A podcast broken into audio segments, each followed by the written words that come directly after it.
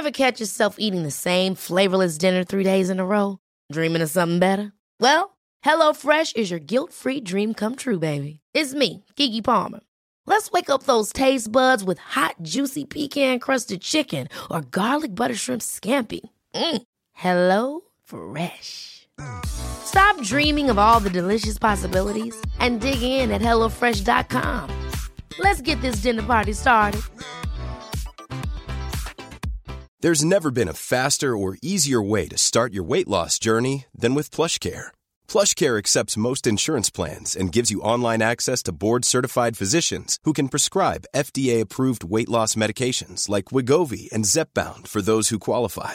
Take charge of your health and speak with a board-certified physician about a weight loss plan that's right for you. Get started today at plushcare.com slash weight loss. That's plushcare.com slash weight loss. plushcare.com slash weight loss. Hey, it's Ryan Reynolds, and I'm here with Keith, co star of my upcoming film, If, only in theaters, May 17th. Do you want to tell people the big news? All right, I'll do it. Sign up now and you'll get unlimited for $15 a month in six months of Paramount Plus Essential Plan on us. Mintmobile.com slash switch. Upfront payment of $45 equivalent to $15 per month. Unlimited over 40 gigabytes per month. Face lower speeds. Videos at 480p. Active Mint customers by 531.24 get six months of Paramount Plus Essential Plan. Auto renews after six months. Offer ends May 31st, 2024. Separate Paramount Plus registration required. Terms and conditions apply if rated PG.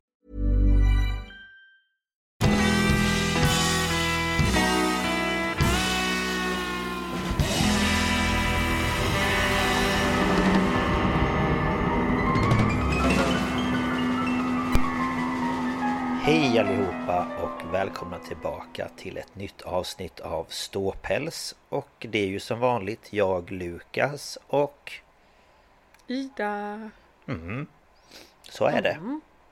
Ja, hur är läget? eh, Trött Jag vet inte vad det är, jag är väldigt trött den här veckan eh, Kan vara för att det är fullt upp på jobbet eh, Vi har två kollegor som är borta på semester Så att eh, vi är tre kvar som roddar upp hela avdelningen Oj jösses då. Ja, ehm, Ja, då är det inte så konstigt om man är trött. nej och sen är det väl lite pollen som förra veckan och sen har jag haft någon konstig verk i mitt huvud. Jag vet inte vad det är, det är som nävryckningar från tinningen till ögat. Det är nog stress skulle jag vilja säga. Spänningar. Ja, kan vara så. Haft det nu i två, tre dagar ungefär. Men Mm. ehm, ja, så att det är väl lite så. Lite, lite, lite, lite, lite sämre än vad det brukar vara. Men så är det. Själv. Eh, jag är också väldigt trött. Eh, får så här hjärndimma emellanåt. Mm. Eh, så det är lite jobbigt. Men eh, jag försöker göra saker korta stunder och vila och sen göra någonting kort stund och vila. Mm. Typ så. Skönt. Men nu fick jag ju lite, lite håll igång. Ja, du fick lite håll Jag gillar att jag skrev till dig, jag bara alltså, jag är lite seg i huvudet idag så här, bara så att du vet. Ja, Och sen bara Jag har fått in en bålgeting! ja. Jag bara nej. Panik, ser liksom katten sikta in så jag bara nej för i Nej. helvete. Det hade inte kunnat gå särskilt bra. Bara slunga in honom i badrummet och stängde dörren. Mm. Och sen hade den där jäveln gömt sig. Alltså, oh. Och så när jag väl hittade den och den bara sitter där och oh. Och surrar. Den var så stor. Ja. Jag vet, de är ju det. De är ju tyvärr stora och äckliga och inte Och jag gillar mysiga. ju inte, jag gillar ju inte insekter Nej, överhuvudtaget. Alltså flugor, fine, de är man inte rädd för. De är mest bara dryga. ja ja ja. Men, men liksom Insekter getingar och sånt ju- vill jag ju helst inte bråka med. Nej, man vet ju inte. Alltså skulle de sticka en så skulle det ju inte vara så skönt. Nej och sen nu är det så länge sedan man blev eh, liksom Stucken. stucken, stungen, jag vet inte hur man säger. Ja. Eh, av, en, av en geting så jag vet ju inte om jag är allergisk nu. Och då Nej, kanske inte en bålgeting är det bästa att börja.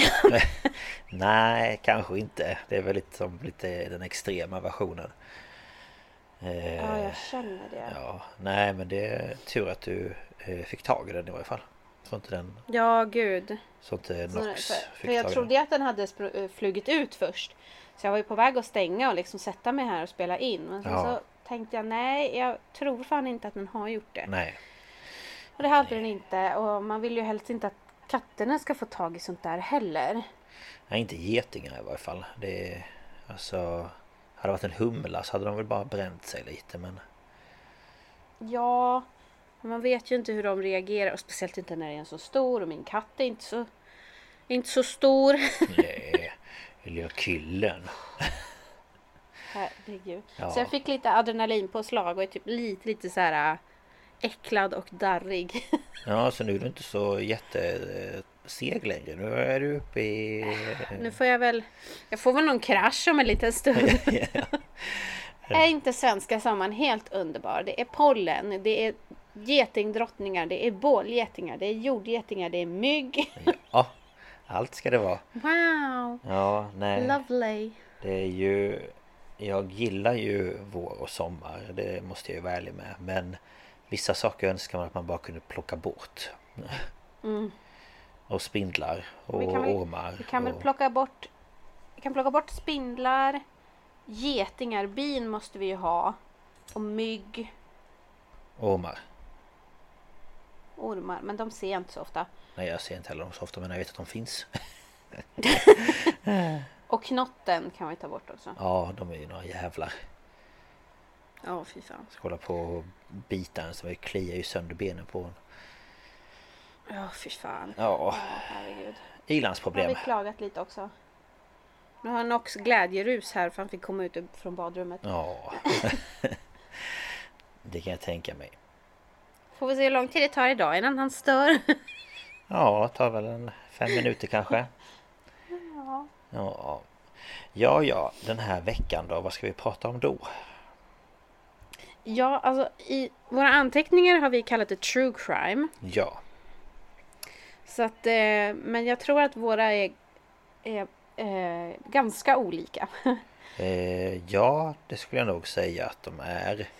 Eh, Men det är ju fortfarande, det är fortfarande true crime för det är ju brott. Alltså egentligen hade vi kunnat tagit vilket brott som helst. Ja, ja, Eh, och det var väl lite det vi, vi var ute efter. Det var inte nödvändigtvis att det skulle vara en mördare eller en kidnappning utan vad som helst. ja. Ehm, Men eh, jo, det är väldigt Så, eh, olika kan jag tänka mig. ja, Yes. men eh, jag har bara hört namnet på den du ska ta upp så jag är jättenyfiken på vad det handlar om. Ja, vi eh, hoppar väl in i det.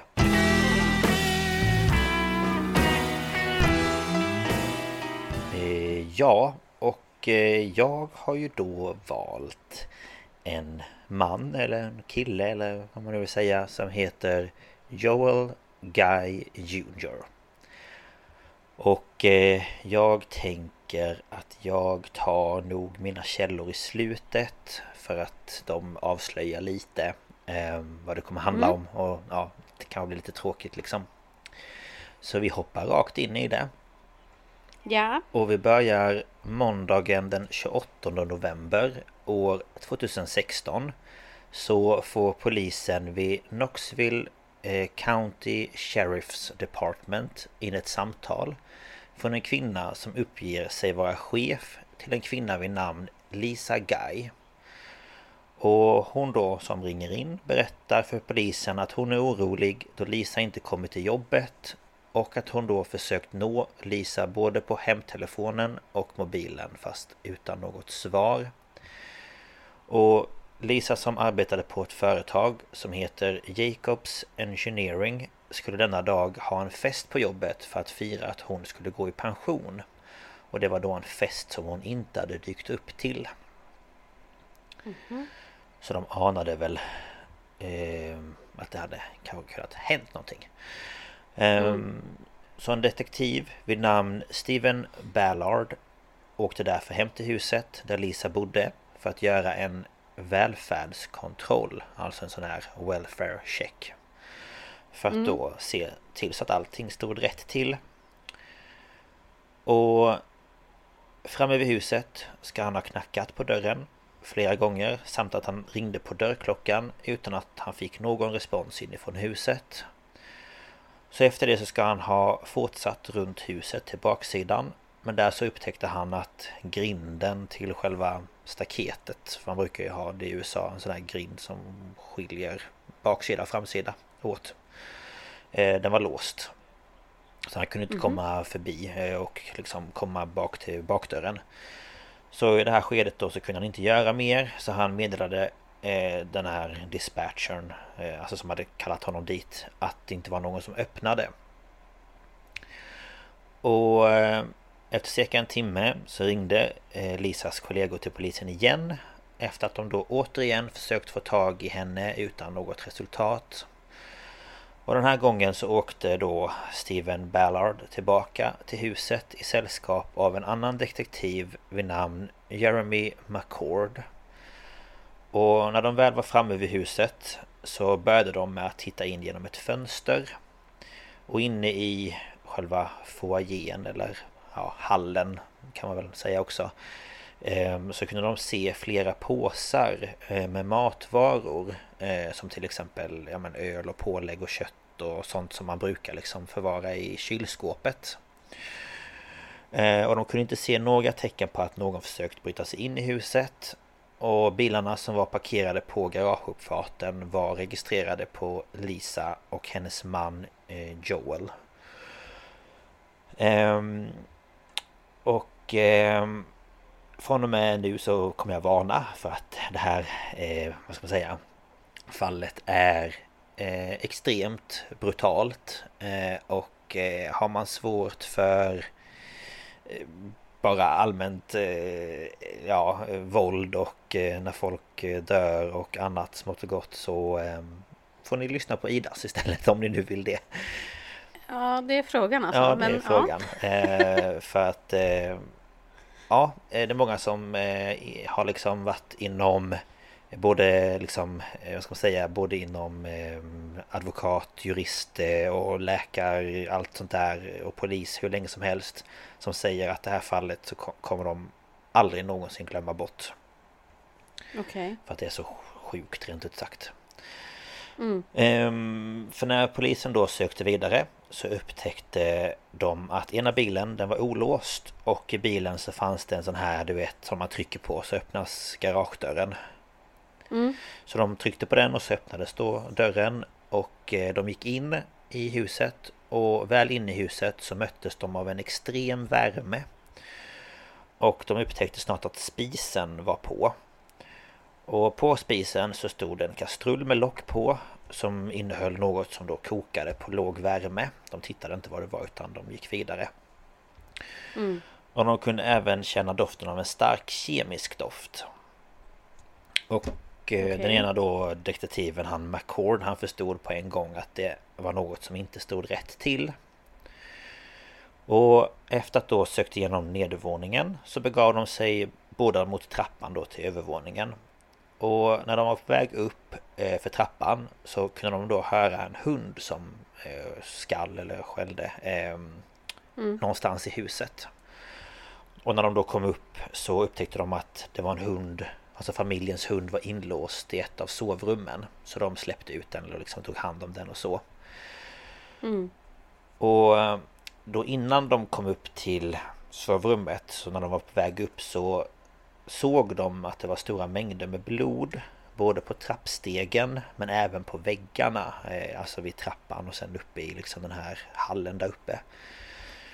Eh, så de fortsatte försiktigt upp för trappan Och där möttes de av två stycken avkapade händer Som låg på golvet i en position som att de liksom bad Alltså till Gud då.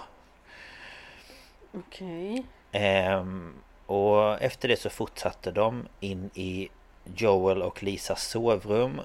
Och i deras badrum så fann det två stora blå baljor som var fulla med kemikalier och eh, mänskliga kvarlevor. Mm. Ja. Ehm, och poliserna de blev självklart chockade och de har senare då berättat att detta är något de aldrig kommer att glömma. Och efter att de hittat detta så kallade de på förstärkning så att de då kunde undersöka vidare vad det var som hade hänt. Och till en början så försökte de då avgöra om det var så att Joel och Lisa var kanske alltså skyldiga någon pengar och det var därför någon hade utsatt dem för detta. eller om det hade att göra med våld i nära relation och ja, så vidare. Eh, så polisen de knackade dörr i bostadsområdet och de förhörde alla. Eh, men det var liksom ingen som hade lagt märke till något ovanligt. Mm. Och sen så efter ett tag så kom då polisens tekniker till huset eh, För att då göra en teknisk undersökning av brottsplatsen. Och där möttes de då också av den här extrema värmen och kemiska doften då som detektiverna hade känt när de kom dit. Och det de märkte då det var att alla termostater i hela huset de var på max, alltså på maxvärmen. Och de kunde även hitta sådana här eh, värmeelement runt omkring i huset. Sådana man kanske har på, jag vet inte, på sommaren på altanen när det är kallt eller så. Mm. Ehm, de kunde även hitta en hög med kläder längst upp på trappan som då innehöll eh, flera tröjor, jeans, underkläder och en bh som då alla hade blivit klippta med sax. Mm -hmm. Och bredvid kläderna så stod olika kemikalier som till exempel sån här avloppsrengöring eh, eller rengörning eh, väteperoxid, saltsyra, klorin och så vidare. Och andra märkliga saker i huset det var att eh, träningsredskap som Joel och Lisa hade i ett rum var alla omkull, omkullvälta. De hade liksom så här crosstrainer och grejer. Och teknikerna de hittade även märken från en kniv i madrassen i deras säng och blod då i hallen och i sovrummet. Eh, och de hittade även två kvitton som båda var från Walmart och de var daterade den 26 november. Mm. Och det ena kvittot det var från förmiddagen och det andra från då klockan tre på eftermiddagen. Och på ett av kvittona så fanns det då det här eh, peroxid, väteperoxid. Ehm, så utredarna de tog sig därför till Walmart och bad dem att få se eh, filmen från övervakningskamerorna från den här dagen. Och där kunde de då först se att eh, Lisa kom till affären på förmiddagen och köpte då de här matvarorna som polisen hade hittat i hallen. Och polisen kunde även då se på filmen då att hon hade lämnat Walmart med de här sakerna. Eh, och sen så fortsatte de att kolla igenom eh, filmen från övervakningskamerorna för att då få någon ledtråd till det här andra kvittot de hade hittat.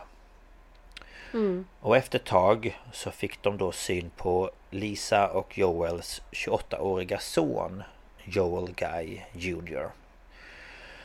Och på filmen så kunde polisen se att han hade synliga sår på sina händer och att han då köpte plåster, peroxid och sån här alkohol som man tvättar sårtvätt typ. Ja. Ehm, och polisen, de var väldigt chockade över att se honom på de här övervakningskamerorna för att de hade då fått information om att han bodde i en lägenhet i Baton Rouge, Rouge i Louisiana. Så de trodde ju att han var där. Ehm, ja, såklart. Ja. Och de började nu då misstänka om det var så att han hade någonting med de här morden att göra. Så polisen begav sig därför till Baton Rouge Säger man Rouge? Det gör man väl? Baton Rouge? Ja, ja. tror jag eh, För att då förhöra honom Och på väg dit eh, Alltså när detektiverna var på väg dit så hittade teknikerna i huset en ryggsäck Som då innehöll ett manifest med detaljerade planer för de här morden och det var då ett handskrivet häfte som hette Book of Premeditation. Mm. Um, och eh, efter att ha tittat lite liksom mer i ryggsäcken och sådär så lyckades utredarna fastställa att det här häftet tillhörde eh, Joel Guy Jr. Då de även hade hittat bland annat skolböcker och en kursplan för en kurs som han då läste och i de här dokumenten så stod det ju hans namn. Mm. Och de hittade även dokument som visade vad han då skulle ärva om hans föräldrar dog samt en notering om att han skulle få mer pengar om ett av hans syskon dog. Så polisen då i Baton Rouge blev kontaktade och de fick då order om att gripa Joel. Okej. Okay. Och då kanske man undrar vem är, vem är Joel? Ehm, eh, Joel han föddes den 13 mars år 1988 i West Knox i Tennessee.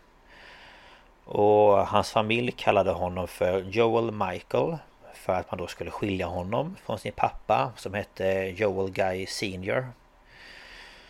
Ehm, och Joel har tre halvsystrar som hans pappa fick i ett tidigare förhållande. Och en av systrarna mm. de har då beskrivit Joel som tillbakadragen och att han sällan lämnade sitt rum.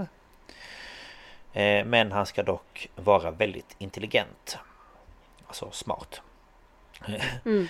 Ehm, Joel han eh, tog examen från Louisiana School for Math, Science and the Arts år 2006.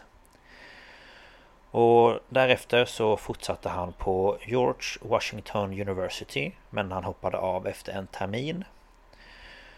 Och efter det började han på Louisiana State University för att studera till plastikkirurg. Mm. Men hoppade av år 2015 och för, ja, man förstår ju att för att bli plastikkirurg så måste man ju ha vissa färdigheter och liksom så. Han eh, var ju som sagt väldigt, väldigt smart och kunde väldigt mycket. Mm. Ehm, eh, och efter att han hade hoppat av så levde han i sin lägenhet i Baton Rouge utan att varken arbeta eller studera. Och det innebar ju då att han på så vis hade spenderat nio år på olika skolor utan att ta någon examen. Och då kan man ju fundera på vem var det som betalade de här studierna åt honom? Jo, hans föräldrar hade betalat allt åt honom. Så vid 28 års ålder hade han ännu, inte all, hade han ännu aldrig haft ett jobb. Allt han behövde betalades av hans, av hans föräldrar, vilket bland annat inkluderade hans hyra. De hade köpt en bil till honom, de köpte all mat till honom, kläder och, ja, och så vidare. Mm. Och när hans pappa eh, fick sparken från sitt jobb som ingenjör så förstod pappan då att han behövde sluta betala allt åt sin son. Och det var inte bara det att han hade fått sparken utan det var även det att Lisa hon tjänade själv inte sådär jättemycket på sitt jobb. Och hon jobbade då på en annan ingenjörsfirma. Och de båda hade ja, börjat prata om att de ville gå i pension. Mm. Och Joels pappa var vid det här laget 61 år gammal och hans mamma 55. Och de hade bestämt sig för att de skulle sälja sitt hus och flytta till eh, Joels pappas mammas hus som han då hade ärvt av henne när hon gick bort. Eh, men innan då att de skulle flytta så ville då eh, Joel och Lisa eh, samla alla sina ja, eh, barn och sådär eh, innan dess. Så de samlade familjen på Thanksgiving och bjöd dem då på eh, middag. Så det var då Joel och hans tre halvsystrar. Mm. Och den här middagen beskrivs av systrarna som väldigt trevlig. Eh, men det är liksom någonting som de har funderat kring efteråt. Och det var att Joel, alltså Junior då, han var väldigt trevlig, väldigt glad och framåt. Och eh, det var ju då något som han aldrig tidigare varit. Då han ofta höll sig för sig själv. Men eh, ja, just där och då så tänkte de inte så mycket på det utan det var liksom en trevlig stund med, med alla. Ehm, och efter middagen så åkte då systrarna hem till sitt. Men Joel stannade då kvar. För han hade ju då helt enkelt planerat att han skulle mörda sina föräldrar. Mm. Och i det här häftet som teknikerna senare hittade kan man på en sida läsa eh, och då har jag översatt det från engelska så det är väl, ja jag ska försöka så gott jag kan. Eh, skaffa så här killing knives. Eh, de ska vara tysta och det ska vara flera. Eh, skaffa slägga för att krossa ben. Ta med en mixer och matkvarn. Mal kött. Eh, fixa blekmedel. Fixa plastbaljor. Spelar ingen roll var de dödas. Bara bli av med blodiga fläckar för att förhindra bevis på dödsfall.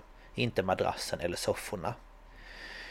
Bli av med kropparna inne i huset. Deras och mitt DNA redan där. Och sen står det öppna... Alltså, Ja. eh, förlåt, men... Är inte folk som mördar, som också har en to-do-list, jävligt korkade? Alltså, Jo, alltså det är ju det som eh, folk är lite så här det, fundersamma det, är ju, kring. inte- det är ju inte roligt, men Nej, det blir bara så här. Nej, jag har inte mördat någon! Står en Ja, ja, ja. to-do-list som är så här ikryssad. Ja, ja, ja, nej men det är allt som man ska alltså, fixa. Det är ju Det är ju så dumt. Och sen också liksom typ inte bränna den eller någonting. Nej, nej, nej, men det är... Jaha, nej, nu har vi klistrat på. Nu har vi gjort det här. Och nu har vi gjort det här. Nu kan vi kryssa först och stoppa den i bakfickan så. Nej, men lite så. Nej men alltså det är ju, och det är ju bara en sida av många sidor. Det han har ju andra sidor också. men eh, som jag alltså. kommer komma till lite senare. Men eh, jag kommer även komma till varför varför han inte blev, ja, eh, blev av med den här innan eh, han blev påkommen. Eh, men det är Och jättedumt. jag kände bara, jag var tvungen att bara, det är... Ja, ja, ja. Nej men det är väldigt Åh, dumt. nej men alltså det är så korkat. Ja, Jaha. mm. Continue. Ja, eh, och sen har han strykit över då öppna hundluckan för att då eh, tillhandahålla entrén så att entrén skulle vara tillgänglig för vem som helst. Och så har han strykit över det och så har han skrivit istället Han måste skyllas, inte inkräktare. Alltså pappan måste skyllas, ska det då syfta på. Eh, sen spola ner bitar i toaletten, inte i återvinningen. Skaffa plast, presenning för bortskaffande av delar. Eh, och sen har han strukit över skaffa ihåliga kulor ifall att. Och sen står det jag kommer ses eh, köpa kulor. Använd bara pistolen i datorrummet. Kontrollera att det finns kulor. Sista utväg. Och sen han är inte vid liv för att kräva hälften av hennes försäkringspengar. Alla mina 500 000 dollar. Men var han tvungen att skriva upp det? Ja, Är det, är det så viktigt att han måste skriva upp det? det är nog väldigt viktigt för honom. Jo, jo, men det är ju liksom ingen grej han kan pricka av. Nej, jag vet. Men och så, så, så här, ja men och fine. Du kanske, kan göra, du kanske behöver göra en to-do-list. Ja. Men då kanske man inte skriver pressändning för att gömma blodig hand. Utan man kanske bara skriver köpa pressändningar. Ja, precis. Man kanske inte behöver specificera Vad man ska exakt. använda det till. Men jag alltså, ja men det är jättebra. Han har ju gjort polisens jobb åt dem om man säger så. Ja, ja, ja, ja. Men Jag det är ju ingen som behöver undra varför han gjorde vissa saker för allt står ju där. Ja, ja, allting står eh, nedskrivet och sådär. Han- så att han var ju inte... Han var smart sa du va? Ja, det är ju det som folk är lite så här fundersamma kring. Hur kan han liksom vara så pass... Eh, Dum. dum men ändå vara så smart. Alltså... Det är det som... Nej jag fattar inte. Och det säger ju eh, domaren sen också när han sitter i rättegången att eh, eh, du är inte så smart som du tror eller något sånt där. Eh, Ja, nej, ja, det kan jag hålla med om. ja. Ehm, ja. Herregud. Mm. Sen ska han i alla fall översvämma huset för det täcker upp rättsmedicinska bevis. Mm, Vrid upp värmen så högt det går, påskynda nedbrytningen. Blekmedel reagerar med luminol precis som blod. Skölj området med blekmedel. Sen ska jag köpa stor sprayflaska, lut och det är ju då ett namn på vattenlösningar av basiska kemikalier. Mm. Sen sopkomprimator blev det när jag översatte det men det såg ut som liksom en sån här som trycker ihop sopor. Alltså en eh, maskin du slänger i och sen pressas det och så kan du... Ja men det är, det är en komprimator. Ja okej vad bra, då hade jag rätt. Såna har man i, i butik så har man såna för att mosa ihop kartong. Ja, precis. Det är sån eh, som han menar. Jag tror, jag tror att det heter sopkomprimator helt enkelt. Om det inte finns något mera vanligt namn. Men det, var så, det är så jag har lärt mig att det heter i alla fall. Så det var inget konstigt. Ja, ja, då är det väl så. Och sen kroppen ger eh, tiden för Alltså döden, alltså dödstiden för ja. Och så Mm. är det så pil alibi, alltså vad ska det vara för alibi? Eh, behöver inte bli av med kroppen om det inte finns några rättmedicinska bevis på kroppen. Eh, och sen hans fingeravtryck och DNA. Alltså att det ska finnas pappans fingeravtryck och DNA. Eh, mm. Så Nu kommer vi till eh, Nu kommer vi till när det ska ske. så den 26 november när Lisa åkte då till affären för att handla så gick Joel upp till sin pappa som då befann sig i deras träningsrum. Och där överföll han då honom med kniv och högg honom till döds. Och knivbladet gick rakt in i hans lungor, lever och njurar samt bröt flera revben.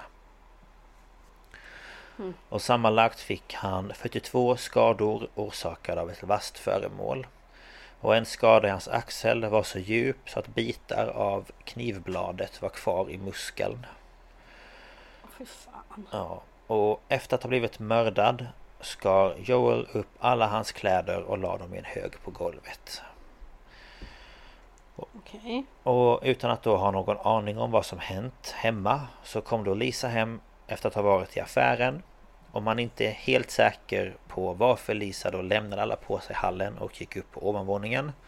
Men det var det hon gjorde och vissa tror att det kan vara så att Joel liksom kallade på henne eller ja, så här, kom här eller kom upp, jag mm. måste prata med dig eller någonting.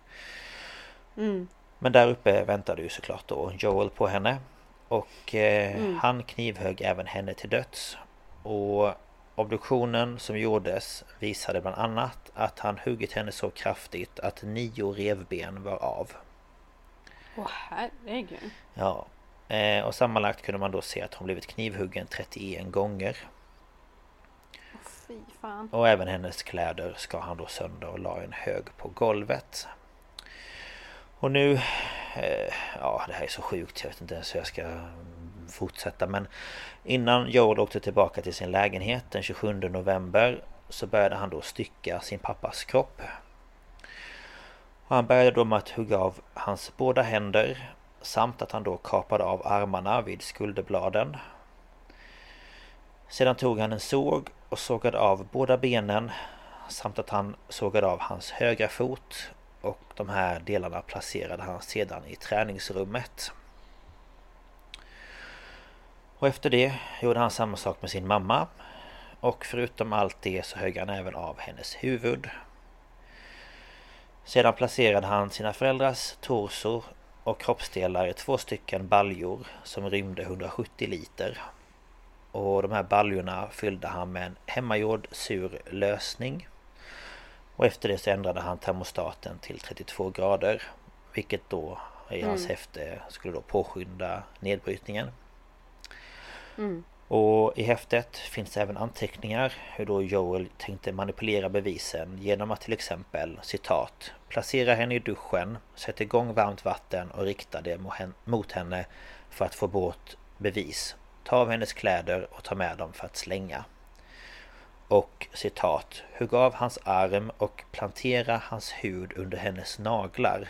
Placera hennes hand med hans DNA så att hans DNA inte sköljs bort i duschen.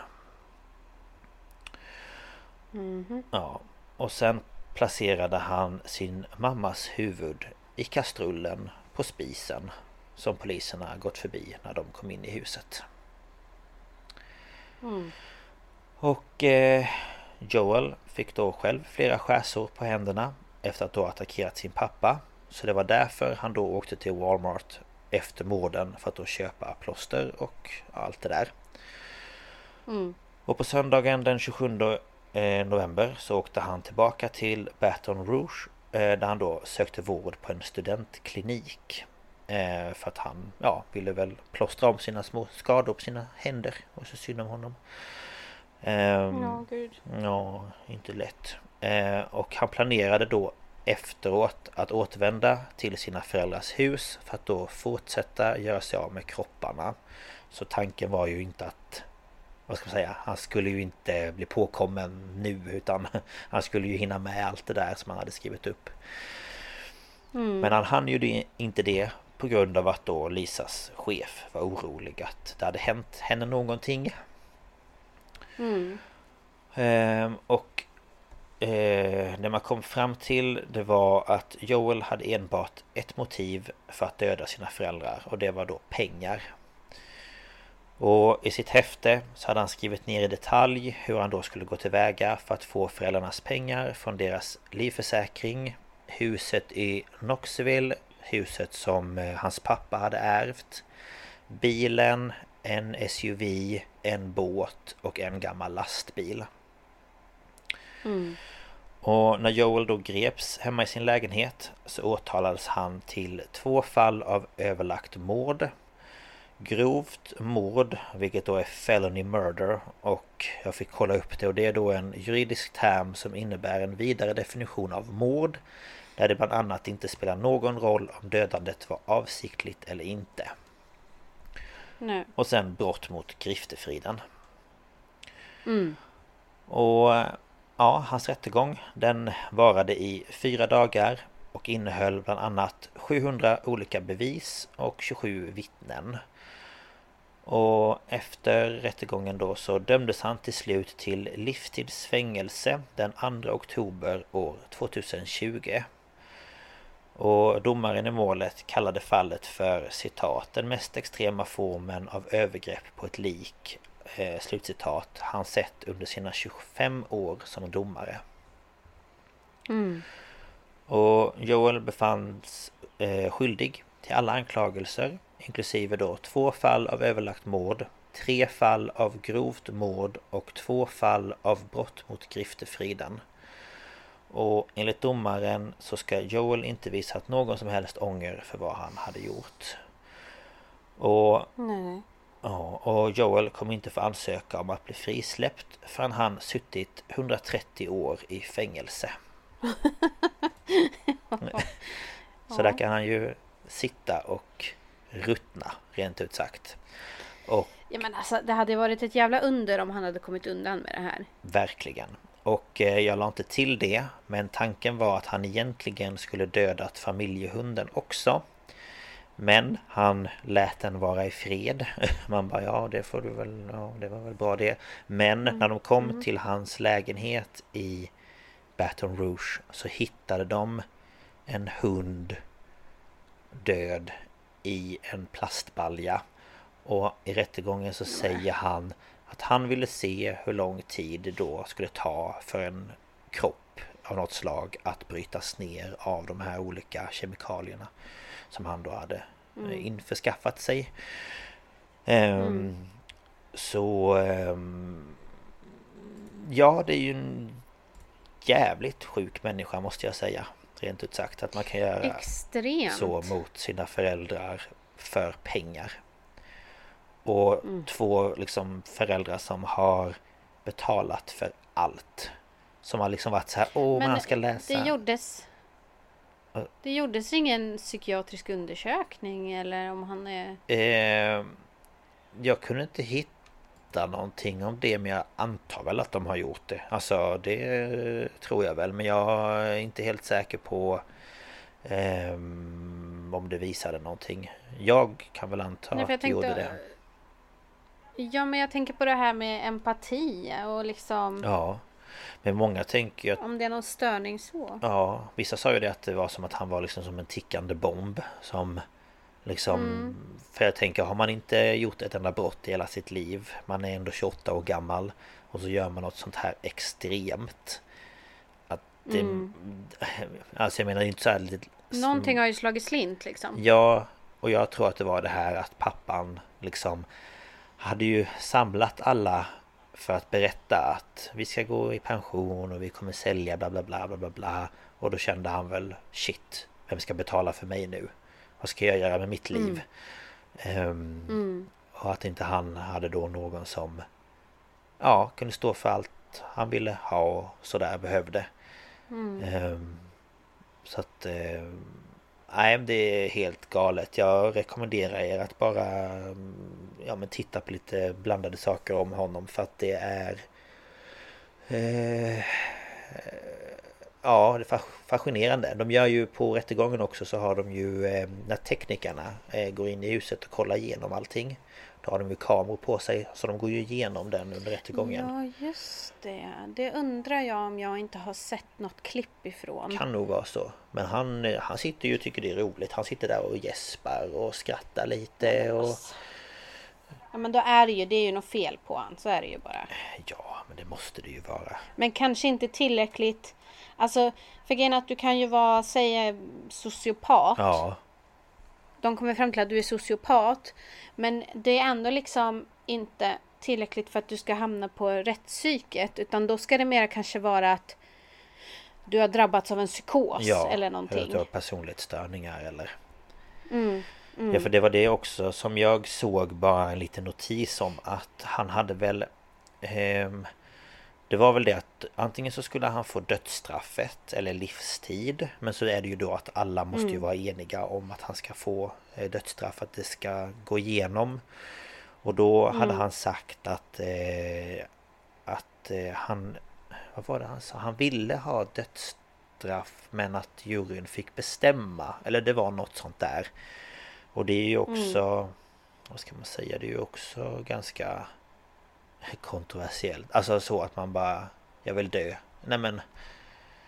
Mm. Lite så. Jag vet inte. Eh, Men han fick ju inte det. Utan han fick ju fängelse. Och jag kan tycka att Ja, dödsstraff är precis. ju... Det är, det är så många synpunkter kring det som folk har. Men jag tycker det är lite lindrigt. Ja, alltså. Man kommer ju undan på en gång. Du behöver inte sitta där och... jag, jag förstår den här öga för öga. Men samtidigt så är det ju det att de...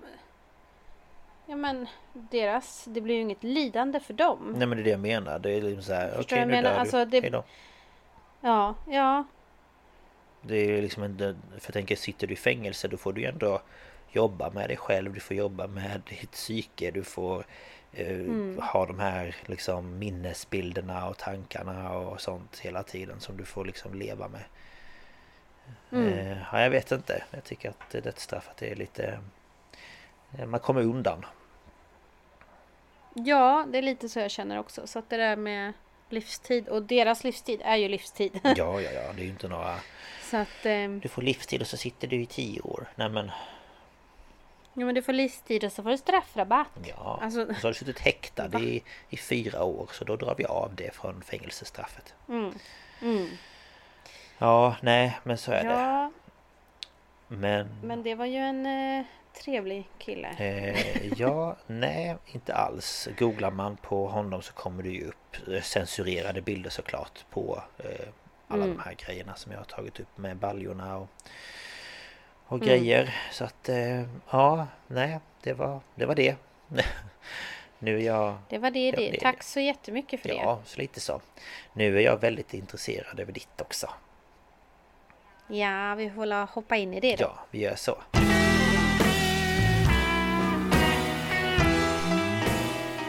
Just ja, jag kom på att jag sa ju inte mina källor. Nej. Nej, eh, ja, jag har tittat på den här Youtube-kanalen Emma Kenny Som jag även hade till förra gången jag pratade Ehm, Och avsnittet hette Joel Guy Jr. Parent Killer eh, True Crime with Emma Kenny Och sen Youtube med då kanalen That Chapter The Case of Joel Guy Jr. Och sen en podcast som heter This is Monster Joel Guy Jr. Och sen Oxygen.com Och sen allthat'sinteresting.com Och sen Soapboxy.com eh, Och sen Wikipedia Det var några. Vad sa du? Det var några. Det var några ja Ehm, Ja. Jag kan rekommendera er att titta på den där med Emma Kenny Den var bra Mm. Eh, Jag tycker om henne Hon är, hon är britt eh, lite, Vad kan hon vara? I 40-årsåldern Gör många Mm. sådana här true crime eh, videos där hon pratar om olika case och ja, men väldigt så här ingående och hon eh, pratar lite om eh, olika teorier och grejer och sådär. Mm. Så att eh, titta på det om inte ni har gjort det. Ja, Ja, det ska vi göra. ja, men nu, nu hoppar vi in i ditt. Ja.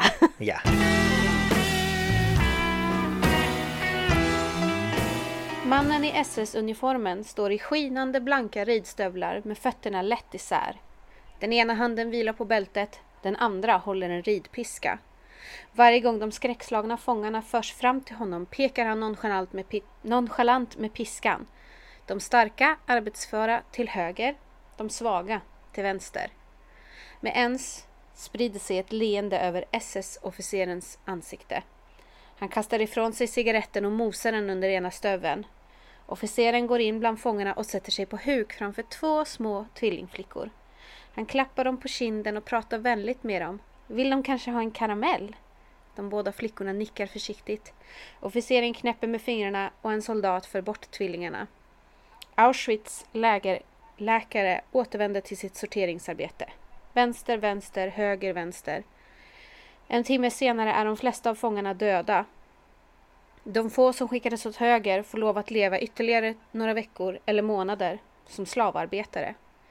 I lägerläkarens privata laboratorium ligger de små flickorna fastspända på operationsbordet. Framför dem står doktor Josef Mengele. Nu har han en läkarrock över uniformen. Leendet är borta. I handen håller han en skalpell och experimentet kan börja. Många kanske har hört namnet Josef Mengele förut. Kanske har man hört något av hans smeknamn. Han kallades nämligen Dödsängen och Den vita ängen. Mm. Så det är mannen jag ska prata om idag. Spännande. Eller hemskt. Eller ja. Du fattar. Både och Ja. kan man väl säga. Eh, jag kan dra mina källor. Eh, det är några stycken. Så du inte glömmer dem. när jag ska... Ja, precis.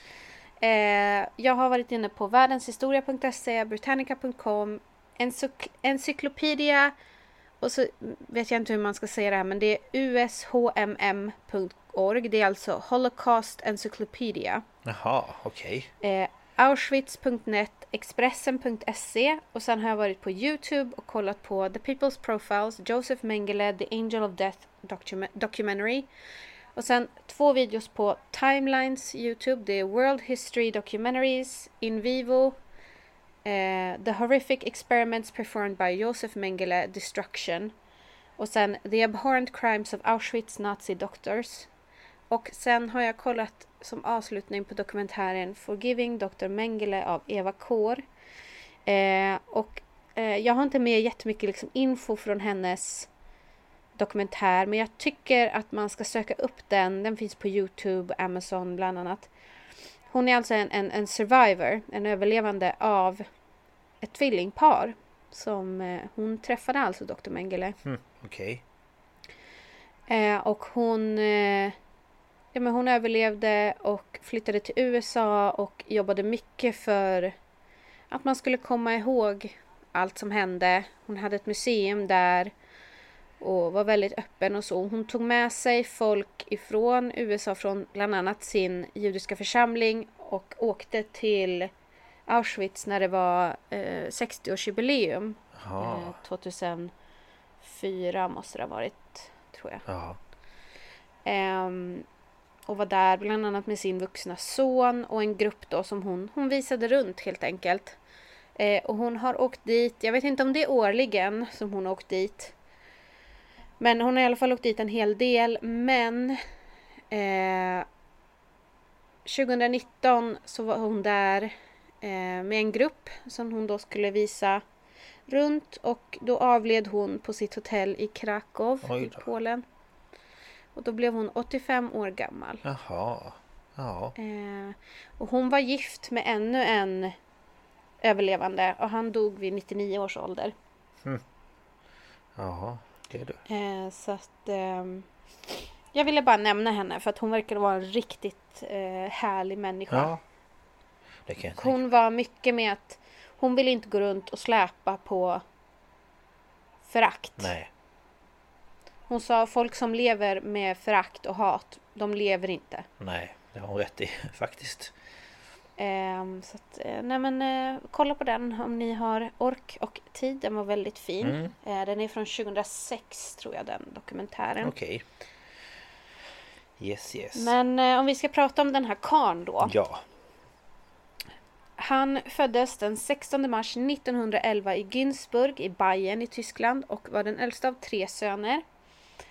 Pappa Karl ägde ett företag som tillverkar maskiner för jordbruk och hans mamma Valburga styrde vardagsbestyren med järnhand. Hon var tydligen väldigt djupt troende katolik och eh, ah, Josef har tydligen sagt att hon inte hade mycket kärlek i sig. Jag vet inte. Jaha, okej. Okay.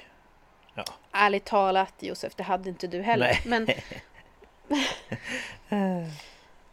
I alla fall. Ja.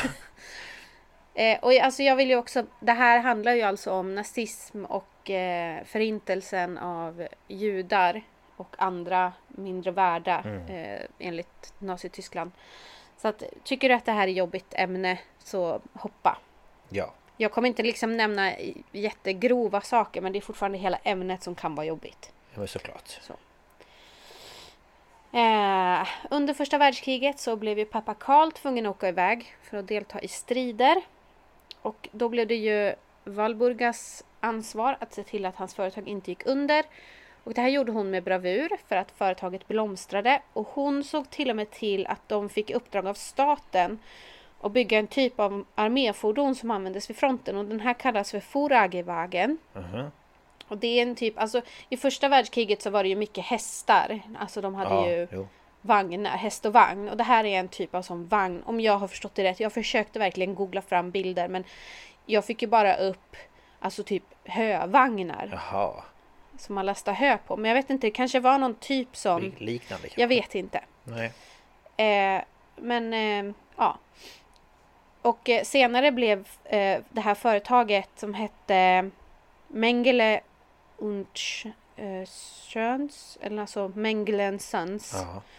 Eh, de blev ett av de största jordbruksmaskinsföretagen i Tyskland. Jaha. Så att, eh, mm. Det är ett väldigt välkänt namn och i den här hemstaden så finns ju eh, Mengele Strasse, alltså Gata. Mengelegatan liksom. Ja. Mm. ja. Så att ähm, ja. ja. men nu ska katten börja, jag skojar inte. Ja, såklart. bort. När du börjar prata då är det alltid. Ja men han är snäll när du spelar in men inte när jag. Nej, han hör väl dig prata så tänker han nu. Nu jäklar, ja, nu jävlar. ska det bli liv i luckan. Ja. Men ja, tillbaka till Josef eller Josef hur man nu vill uttala. Mm. Um, han visade som barn en stor talang när det kom till konst och sport och då speciellt skidor. De bodde ju inte jättelångt ifrån den tyska delen av Alperna. Så. Nej. Uh, och han tyckte att studier var roligt men fick trots detta bara medelbetyg. Och han tänkte först att han skulle bli tandläkare för att då fanns, det fanns inte någon i byn. Uh, och då tänkte han att det var ett bra sätt att tjäna pengar. Men sen valde han till slut läkare istället. Okay.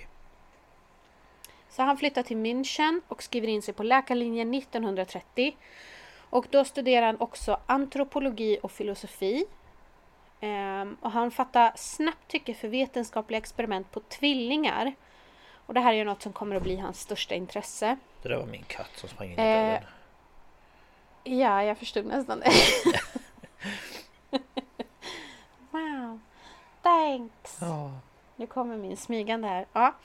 Eh, 1934 så samlade han ihop en grupp forskare för att studera ärftlig biologi och rashygien. Vi är ju, det, det är den eran just nu med, med rasbiologi och liknande. Det hade vi även här, här i Sverige. Yes, box. Eh, och år 1935 så promoverades han till filosofie doktor vid Münchens universitet efter att ha framlagt avhandlingen eh, Rasen morphologische Underscho under Untersuchung des Vorderen unter, mm, vad bra min tyska är, Unterkieferabschnittes Beivir Rasischen. Och det betyder eh, eh, Rasischen-gruppen. Jag bara, det är ett svenskt ord här efter, det är jättekonstigt. Mm. Det betyder rasmorfologisk studie av den främre delen av underkäken i fyra rasgrupper. Jaha. Ja. Hey, it's Ryan Reynolds and I'm here with Keith, co-star of my upcoming film If, only in theaters May 17th. Do you want to tell people the big news? All right, I'll do. it. Sign up now and you'll get unlimited for $15 a month in six months of Paramount Plus Essential Plan on us. Mintmobile.com slash switch. Upfront payment of $45 equivalent to $15 per month. Unlimited over 40 gigabytes per month. Face lower speeds. Videos at 480p. Active Mint customers by 531.24 get six months of Paramount Plus Essential Plan. Auto renews after six months. Offer ends May 31st, 2024. Separate Paramount Plus registration required. Terms and conditions apply if rated PG. Ever catch yourself eating the same flavorless dinner three days in a row? Dreaming of something better? Well, HelloFresh is your guilt-free dream come true, baby. It's me, Gigi Palmer.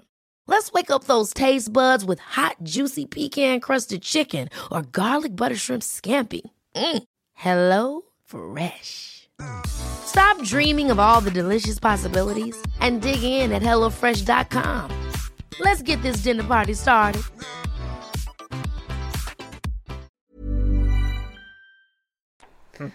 Det hörde ju allihopa att det var det. Ja, alltså. det var... Men, Min tyska, min tyska är ju...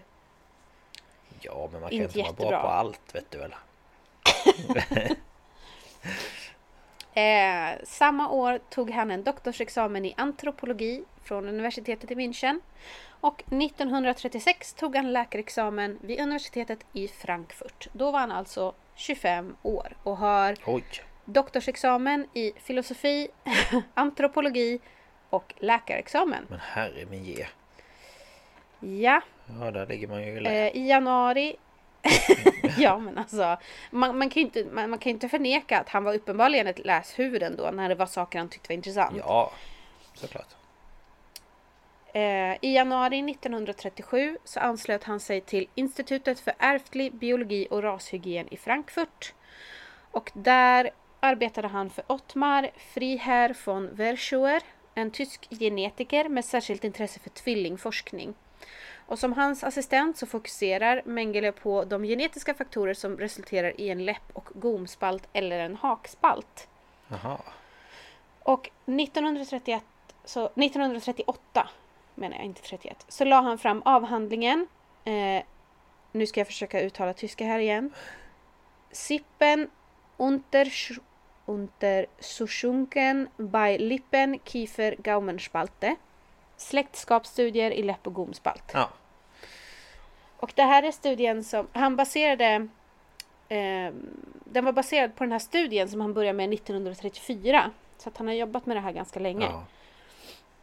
Och eh, han promoverades till eh, medicindoktor, eh, cum laude, alltså det var ett bra betyg liksom. Så nu är han alltså han är filosofidoktor, antropologidoktor och medicindoktor. Mm. Ja, En del. man ligger i lä som sagt var. Ja, man gör ju det. så mycket grejer har man inte hunnit med i livet. Nej. Eh, den 28 juli 1939 så gifter han sig med Irene Schönbein som han träffat när han arbetade som läkare i Leipzig. Och det var under en tid osäkert på om han skulle få gifta sig med henne för man visste, man hade misstankar om att hon hade judiskt ursprung. Ja. Men eh, det hade hon inte. Eh, så de gifte sig och deras enda son Rolf föddes 1944. Jaha. Men nu backar jag lite i tiden. Ja, okej. Eh, för när Mengele flyttade till München 1930 så flyttade han till den staden där nazistpartiet då hade sitt huvudkvarter. Och 1931 så går han med i Der Starhelm eh, och sen eh, under titel Bunte Frontsoldaten. Och det här är alltså Stålhjälmen, förbundet för frontsoldater. Och det här är en tysk första världskriget veteranorganisation. Och de kom senare att bli Sturmarbeitlung, alltså SA. Ja, just ja. Eh, Det i sin tur är ju det nationalsocialistiska arbetarpartiets paramilitära vinge. Och det spelar en stor roll i Hitlers resa mot makten. Ja.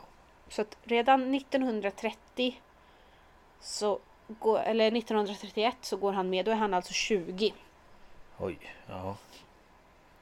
Ehm, och eh, SAs främsta syften var att ge skydd åt nazistiska möten och församlingar, stora möten mellan Oppositionella partier kämpa mot de motstående partiernas paramilitära enheter och då särskilt Roter Frontkämpeförbund från Tysklands kommunistiska parti eller KB, KPD och Reichsbanner Schwarz-Rot Gold från det socialdemokratiska partiet SPD och såklart skrämmande romer, fackföreningsmedlemmar och särskilt judar.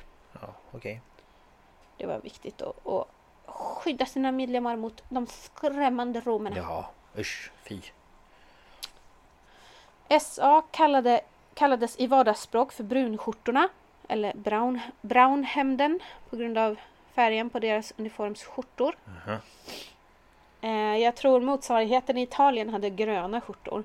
Okej. Och nazismens ideologi sammanförde element av då antisemitism, rashygien och eugen, eugenik. Det är alltså renad genetik. Det är att liksom man ska få fram så, ren, så rena gener som möjligt. Mm. Så man kombinerar liksom element av antisemitism, rashygien och det där. Och så liksom blandar man in lite pangermanism och det här är en önskan om att ha ett stort tysktalande folk i en stor germansk stat. Aha, okej.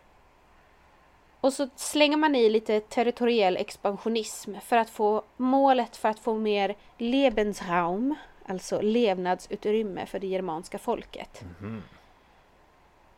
Eh, och Nazityskland försökte ju då få det här Lebensraum eh, genom att attackera Polen och Sovjetunionen med, av, med avsikt att deportera eller döda judar och slaver som bodde där. Eftersom de ansågs ju vara underlägsna den ariska mästarrasen, som Ja, ja. de kallar det. Mm. Så det är liksom, redan som 20-åring så, så är han med på det här. Mm.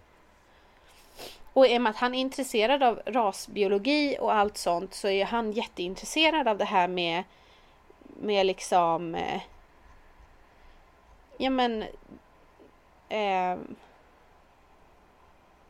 nu tappade jag bort vart jag var i mitt dokument. Det vet jag inte. Han är intresserad av olika... Ja men det här, ja, men det här med, med, med rashygien, eugenik och, Ja, ja. och allt sånt där liksom. Mm. Ja, det Ehm, förstår man ju. Så att eh, och alltså, som 20-åring man är ju så lätt influerad. Men Han är ju ja. inte färdig... Jag inte, säga, man har ju inte konsekvenstänk för man är typ 25. Nej men precis. Så... eh, Ja. Det är en skör ålder även om man är 20. Ja, precis. Och så flyttar man till en annan stad, till universitetet och man vill ha gemenskap. Mm. Och, Och så hittar man den Ja. där liksom. mm eh, han gick officiellt med i nazistpartiet 1937 och i Schultstaffel, alltså SS, 1938. Eh, och han fick grundläggande utbildning 1938 och då eh, blev han Gebirgsjäger och det är en lätt infanteribergstrupp och kallades till tjänst i Wehrmacht, alltså nazisternas styrkor, i juni 1940. Eh, och några månader eh, efter andra världskrigets utbrott Ja, han blev eh, alltså skickad några månader efter. Nu Ja. tappar jag, tappar jag bort mig. Men i juni 1940, det är alltså några månader efter andra världskrigets utbrott. Och han anmälde sig genast som frivillig till sjukvården i Waffen-SS, alltså SS-stridsgrupp då. Mm. Och där gjorde han eh, tjänstgöring med rangen SS Untersturmführer och det är andra löjtnant i en medicinsk reservbataljon fram till november 1940. Mhm.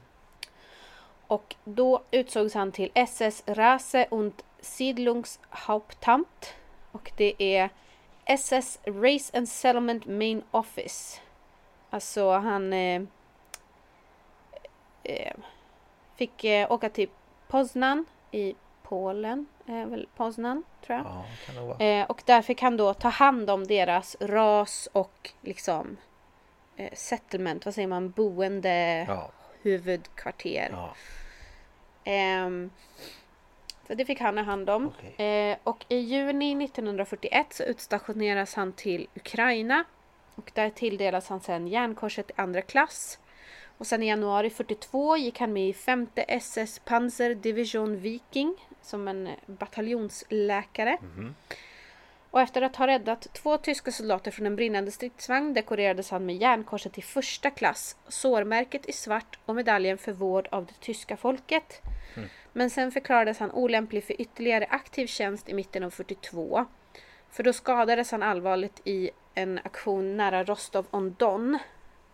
Ehm, jag tror han skadade sitt, sitt ben eller någonting. Jag vet inte. Okej. Men eh, han tillfrisknade och överfördes till högkvarteret för då SS Race and Settlement Main Office i Berlin.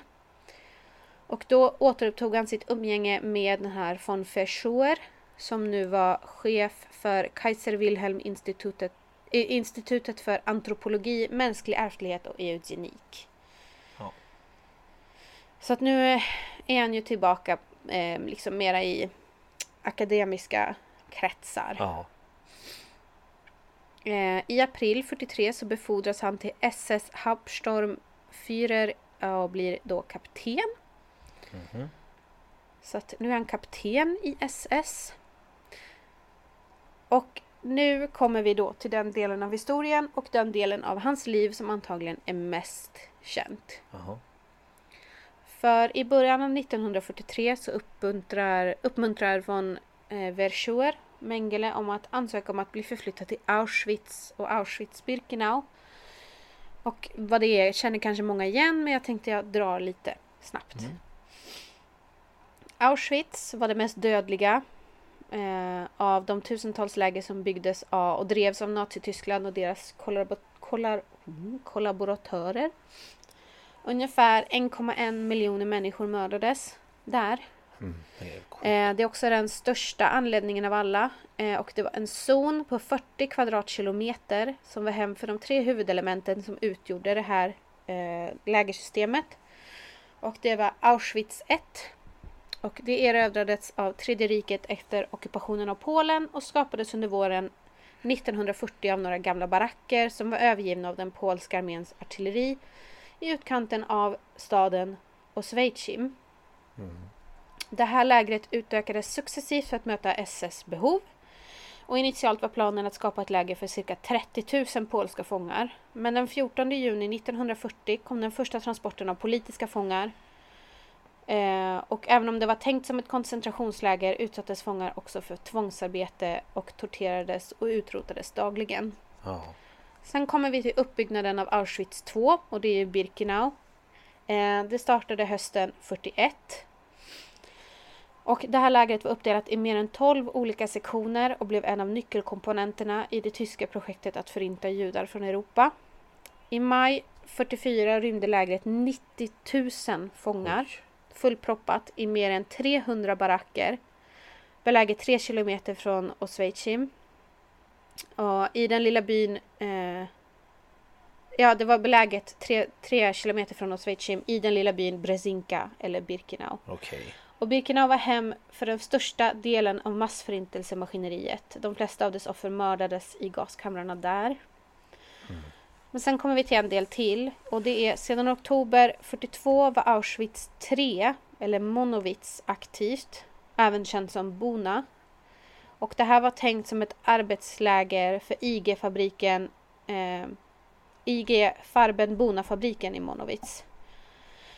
Eh, men Monowitz var också ett koncentrationsläger och slavarbete var ett inslag i liksom det här. Och fabrikscheferna beordrade att byta ut arbetare för- som försvagats av hunger och utmattningen av ut, eh, hunger och utmattning och skickade dem direkt till gaskamrarna. Dessutom etablerades nästan 50 underläger för att utnyttja fångar som slavar 42 till 44 i närheten av Auschwitz. Och eh, kapaciteten i krematorierna i Birkenau var enligt eh, Topf och Söne eh, företagens register mer än 4 000 kroppar om dagen. Jäklar. Eh, och människor där mördades med hjälp av bekämpningsmedel mot skadedjur, alltså cyklon B i gaskamrarna. Ja. Och under den mest frenetiska perioden, våren 1944, så nådde antalet mördade 10 000 om Ja, dagen. fan. Helt sjukt. Alltså det här området som Auschwitz, alltså hela Auschwitz är Alltså det är ju så många olika, de hade ju till och med växthus, de hade ju boende för, för de finare människorna liksom. Sen var det ju olika fabriker som en där men faktiskt så hade ju Har jag för mig att det var Samsung som hade något litet där. Okej. Alltså det här är ju innan liksom Många visste ju inte om vad som pågick där och jag vet inte. Men alltså så att de fick ju jobba i olika fabriker. Alltså det kunde ju vara olika alltså företag som bara hade fabriker där och så fick de ju arbetare och när arbetarna blev dåliga så fick de bara nya liksom. Ja. Ja, herregud. Och då var det ju bland, bland annat det här IG Farbenbona Mm. IG Farben. Jag vet inte riktigt vad de gjorde men, eh, Nej. det var olika fabriker av, av, av olika slag liksom. Mm. Och någon kunde vara Ja men de reparerade väl saker och ja men allt sånt. Eh, och om du bara inte orkade mer så bort med dig, in med en annan. Ja. Ja, nej.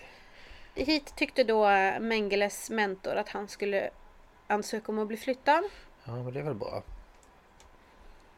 Ja, Mm. visst. Hans ansökan godkändes och eh, han blev post, eh, po, vad säger man, posterad i Auschwitz. Mhm. Och där utnämndes han av SS eh, till Standortarts Eduard... Vänta nu. Jag vet, jag vet inte hur man uttalar det, men han hette Eduard Wirtz, tror jag. Okej. Det är i alla fall chefsläkaren i Auschwitz. Ja. Ehm, han eh, får... Det är alltså en SS-gubbe, den här Eduard. Jag, vet, jag kan inte uttala ordet innan där, men skitsamma. Nej. Ja. Ehm, han är alltså chefsläkare och han säger till Mengele att du blir överläkare på Sig- eh, Zigeunerfamiljenlager. Alltså ett romanskt familjeläger och de kallade ju då eh, romani för zigenare. Ja, ja, ja. Mm. Precis. Eh, och det är ju i Birkenau då. Ja. Ehm, så att han var inte på Auschwitz 1 utan han blev skickad till Birkenau. Och det är ett underläger till Birkenau. Alltså du förstår, de har ju liksom olika komplex. Alltså de blandade ju inte romer med judar om det inte var romjudar. Förstår du vad jag menar? precis.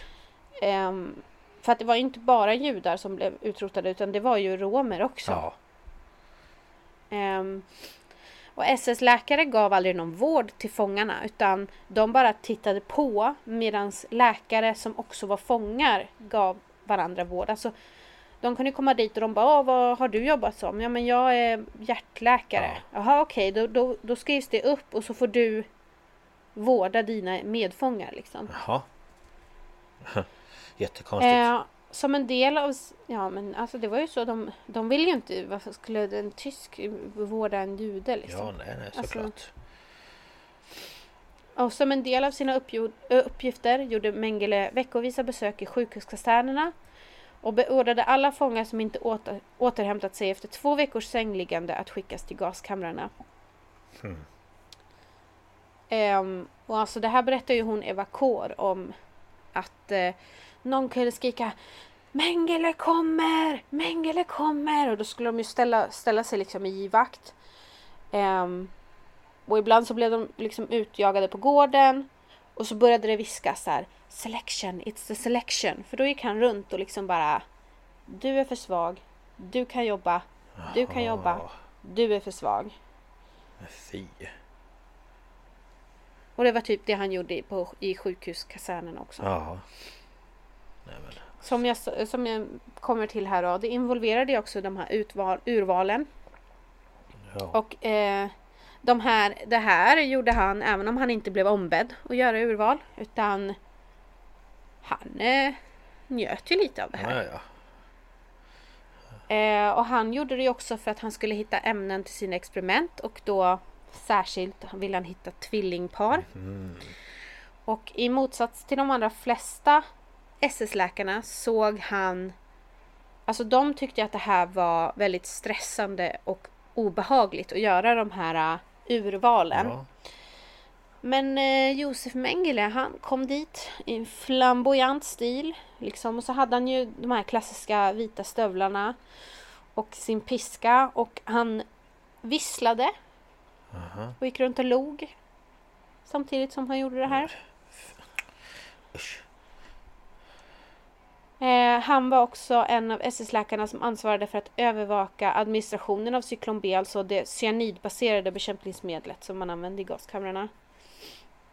Och han tjänstgjorde i denna egenskap i gaskamrarna belägna i krematorier 4 och 5. Okej. När ett utbrott av NOMA, en gangrenös bakteriell sjukdom i mun och ansikte, alltså får man... Heter det gangren på svenska? Gangrene? Eh, Det är ju stort sett när kroppsdelar dör. eh, kan det heta det kanske? Ja, jag känner igen det men... Du, du vet vad jag menar i alla fall, när kroppsdelar blir svarta Ja, ja, ja. och sen ramlar de av. Ja, de får inte... De, ja, precis. Jag vet vad du menar. Ja. Eh, Det var en sån sjukdom i mun och ansikte, drabbade romernas läger. 1943 så inledde Mengele en studie för att fastställa orsaken till sjukdomen och utveckla en behandling. Och han tog hjälp av fången Berthold Epstein, en judisk barnläkare och professor vid Prags universitet. Ja. Och man isolerade patienterna i separata baracker och flera drabbade barn dödades så att deras bevarade huvuden och organ kunde skickas till SS Medical Academy i Graz Aha. och andra anläggningar för att man skulle kunna ha dem för studier. Ja, mysigt. Förresten heter det Mm. eh, inte någonting med kallbrand? Nej. Jo, kallbrand är det. Ja. Det var det. Jag tror att det är ja, det. det var det som bara slog mig helt plötsligt. Ja, jag kom inte på nej, det. Tack. nej, det är ing- ja, det, ja, det är ingen fara. jag bara nej, nej. Ja, kall, Nej, nej, kallbrand ja. Det var det jag tänkte. Ja. Ehm, den här forskningen pågick fortfarande när det romska lägret likviderades och dess återstående ockupanter dödades 1944. Mhm. Så att, eh, mm. När en tyfusepidemi började i kvinnolägret röjde Mengele ett kvarter med 600 judiska kvinnor och skickade dem till gaskamrarna.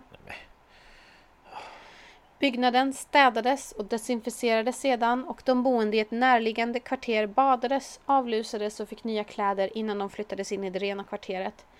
Denna process upprepades till alla baracker var desinficerade.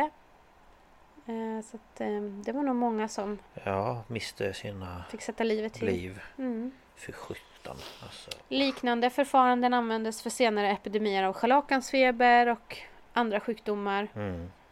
Eh, och också då var du sjuk så skickades du iväg till gaskammaren. ja, ja. Ja, då... Och här kommer den sjuka. För de här handlingarna så belönas Mengele med krigsförtjänstkorset, ett andra klass med svärd. Och befordrades 1944 till förste läkare i underlägret Birkenau. Nej, men alltså... Ah, mänskligheten. Mm. Ja, alltså när det kommer till sådana här saker, när det kommer till just andra världskriget och koncentrationsläger och sådär med folk som gör sådana här saker. Det finns liksom inga ord som kan beskriva vad man... Nej. Man bara säger men sluta bara. Bara, bara Mm. lägg av. Ja, men alltså det är helt galet. Ja, men alltså det går inte att ta in heller. Jaha, men gud, har ni fått tyfus? Ja, Ja, nej men då... Hej då. Då är det väl bara att in i kammaren med då så får ni ha det så bra. Ja. Alltså det finns ju inte... Nej men alltså, Och bara tänka så, säga så. ja men och liksom bara hela grejen alltså bara så här Nej du är, du är av fel eh, etnicitet eller av en ras eller vad man nu vill säga Så du ska inte få leva Nej men Nej, och du, du är, är, tillhör fel religion. Man bara, ja, Så men- att, ehm, sätt dig på något hårt och... Nej men alltså jag, vet ja, inte alltså det finns ju saker man skulle vilja göra med de här människorna. Men Ja, ja, de skulle kunna få smaka på sin egen medicin kanske mm, några av dem blev ju faktiskt avrättade Ja, vid eh, Nürnberg. Men eh, jo jo ändå. Um, Mengele använde Auschwitz som en möjlighet att fortsätta sina antropologiska studier och forskning om ärftlighet genom att använda då fångar för mänskliga experiment. Hans eh, medicinska procedurer visar ingen hänsyn till offrens hälsa, säkerhet, fysiskt eller känslomässigt lidande. Nej. Surprise! Ja, verkligen. Eh, och han var särskilt intresserad av enäggstvillingar, eh, personer med heterokromia iridium, alltså ögon i två färger. Eh, säger man dvärg fortfarande? Vad sa du? Dvärg, när man säger inte det. Nej, man säger kortväxt. Kortväxt. Ja. Tack. Jag vill, jag vill, inte säga småväxt. Nej, det är konstigt. kortväxt. Kort, kortväxta och personer med fysiska abnormiteter som han sa. Mm. Ett bidrag gavs av Deutsche Forschungsgemeinschaft, alltså tyska forskningsstiftelsen, på begäran av hans mentor von Verschuer. Mm. Och eh, de fick då regelbundna rapporter och leveranser av exemplar, som de kallar det, av Mengele då. Eh, och bidraget som han fick användes för att bygga ett patologilaboratorium kopplat till krematorium 2 i Auschwitz-Birkenau. Och Miklos Nischli, tror jag man säger, en ungersk-judisk patolog som anlände till Auschwitz den 29 maj 1944 fick då utföra dissektioner och förbereda prover för transport i det här laboratoriet. Så det var liksom hans arbete. Ja. Eh, och alltså, de, de hade ju inte, det var liksom hans straffarbete. Han fick ju fortfarande inte liksom bättre mat eller så bara för att han fick nej, nej. de här jobben utan Okej. Det var ju istället för att jobba i, i fabrik eller så så fick han göra det här. Ja, ja, ja. Mm, ja jag förstår. Um, den här tvillingforskningen var delvis avsedd för att bevisa arvets överhöghet över miljö och därmed stärka den nazistiska premissen om den så kallade ariska rasens genetiska överlägsenhet. Okej. Okay. Eh, och den här uh, Nisli, han och andra som då jobbade med det här rapporterade att tvillingstudierna också kan ha motiverats av en avsikt att, att öka liksom reprodu reproduktionshastigheten för den tyska rasen.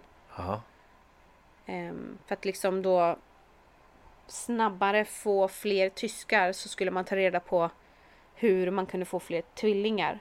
Om du förstår vad jag ja, menar. jag förstår. Eh, och eh, de här forskningspersonerna, alltså själva testpersonerna då, de fick lite bättre mat och eh, fick lite, lite bättre boende. Lite så. Okay. Eh, och lite så var det väl med några av forskarna. Alltså, det var ju marginellt bättre. De fick fortfarande typ en filt och sova på golvet liksom. Ja. Eh, när han besökte sina unga, som han kallade undersåtare, undersåtar, så presenterade han sig som farbror Mengele och erbjöd dem godis samtidigt som han var personligen ansvarig för, för att döda dem. Typ. Ja, trevligt. Och han kunde ju säga eh, att olika människor skulle dö på olika sätt. Till exempel dödinjektion, skottlossning, misshandel och sen dog ju många av hans experiment också. Ja. Tvillingarna utsattes för veckoundersökningar och mätningar av deras fysiska egenskaper av Mengele eller en av hans, hans assistenter. Experimenten han utförde på tvillingar inkluderade onödig amputation av lemmar, avsiktlig infektering av en tvilling med tyfus eller någon annan sjukdom och transfusion av blodet från en tvilling till den andra. Okej. Många av offren dog medan de genomgick dessa procedurer och de som överlevde experimenten dödades ibland och deras kroppar dissekerades när Mengele inte hade någon vidare användning för dem. Ja, vad mysigt. Var det inte det? Och den här... Var inte tanken att han va? skulle få fler människor i... Inte död, alltså... Eller alltså han ville få fler människor i Tyskland. Ja men det ska ju vara tyskar, inte judar. Ja, såklart. Så det han... Det han eh, han forskade på ju på ljud. judar för att se varför fick ni tvillingar? Ja, tvilling... Eh, Vad kan jag ta ifrån ja. det? Tvillinggenen liksom. Yes, yes, yes. Jag förstår. Jag bara... Den här... Ja, ja men jag förstår. Det är lite mm. svårt att greppa. Mm. Men Denna Nisley, ja, jag vet inte om jag uttalar hans namn rätt, mindes ett tillfälle då Mengele, personligen dödade 14 tvillingar på en natt Nej genom att injicera deras hjärtan med kloroform. Men alltså. Om en tvilling dog av sjukdom så dödade han den andra tvillingen för att tillåta jämförande obduktionsrapporter att produceras för forskningsändamål. Och hans ögonexperiment innefattade försök att ändra ögonfärgen genom att injicera kemikalier i ögonen på levande försökspersoner. Alltså han kunde injicera bläck bland annat. Och han dödade människor med heterokromatiska ögon så att ögonen kunde tas bort och skickas till Berlin för studier. Och hans experiment på kortväxta och ehm, eh, personer med fysiska avvikelser innefattade att ta fysiska mätningar, ta blod, dra ut friska tänder och behandla med onödiga läkemedel och röntgenstrålar. Mm. Många av hans offer skickades till gaskamrarna efter ungefär två veckor och deras skelett skickades till Berlin för vidare analys. Jaha. Han blir ju matt. Han sökte också upp gravida kvinnor som han skulle utföra experiment på innan han skickade dem till gaskamrarna. Alex Deckel, en överlevande, rapporterar att han bevittnade Mengele som utför, utförde en vivisektion utan bedövning. Eh, Det är alltså en operation på någon som är vaken utan bedövning. Jaha. Alltså. Då tog han bort hjärtan och magar. Nej. Och Yitzhak Ganon, en annan överlevande, rapporterade 2009 hur Mengele tog bort hans njure utan bedövning. Och han tvingades återgå till jobbet utan smärtstillande. Nej men alltså du skojar. Nej. Ajsing bajsing. Och inte... Du du förstår, du kommer reagera på det här sista. För att ett vittne som heter Vera Alexander beskrev hur Mengele sydde ihop två romska tvillingar, rygg mot rygg, i ett grovt försök att, att skapa sammanfogade tvillingar. Nej, men, Båda barnen dog av kallbrand efter flera dagars lidande. mamma men du fattar väl själv att du kan inte sy ihop två... Eh. Men alltså... Vad menar du? Vadå? Det kan man väl göra? Det blir väl jättebra? Man kan bara sy lite med nål och tråd vet du. Ja, men alltså förlåt men han kan ju inte ha varit eh, smart tänkte jag säga men det var han ju men... Jag menar, så han, alltså, han brydde sig väl inte om hygien eller någonting Nej. liksom. men det är bara så här... Men han kunde injicera deras armar med olika medel. Jag har för mig hon Eva fick någonting i benet och... Men jag förstår alltså Ja. att man ens kan... Ja, men, alltså, nej, jag vet inte, det går liksom inte att greppa bara hur man kan göra så mot andra men alltså man ska inte göra det mot djur heller men just att det... Nej. Nej jag vet inte. Det är ju så här vissa saker så här, men vad trodde du skulle hända? Mm. Mm. Ja, man kan undra. Ja. Men en dag så kommer ju slutet. Och tillsammans med flera andra Auschwitz-läkare flyttar Mengele till koncentrations koncentrationslägret Grossrosen i nedre Schleisen. Eller Schließen, jag vet inte hur man säger. Den 17 januari 45 och tog med sig två lådor med prover och protokoll från sina experiment.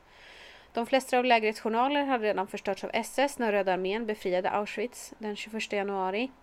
Ehm, nej, 27 januari. Ja. Eh, och Mengele flydde sedan från Grossrosen till eh, den 18 februari, en vecka innan sovjeterna anlände dit och reste västerut till Zatek i Tjeckoslovakien, förklädd till en Wehrmacht-officer.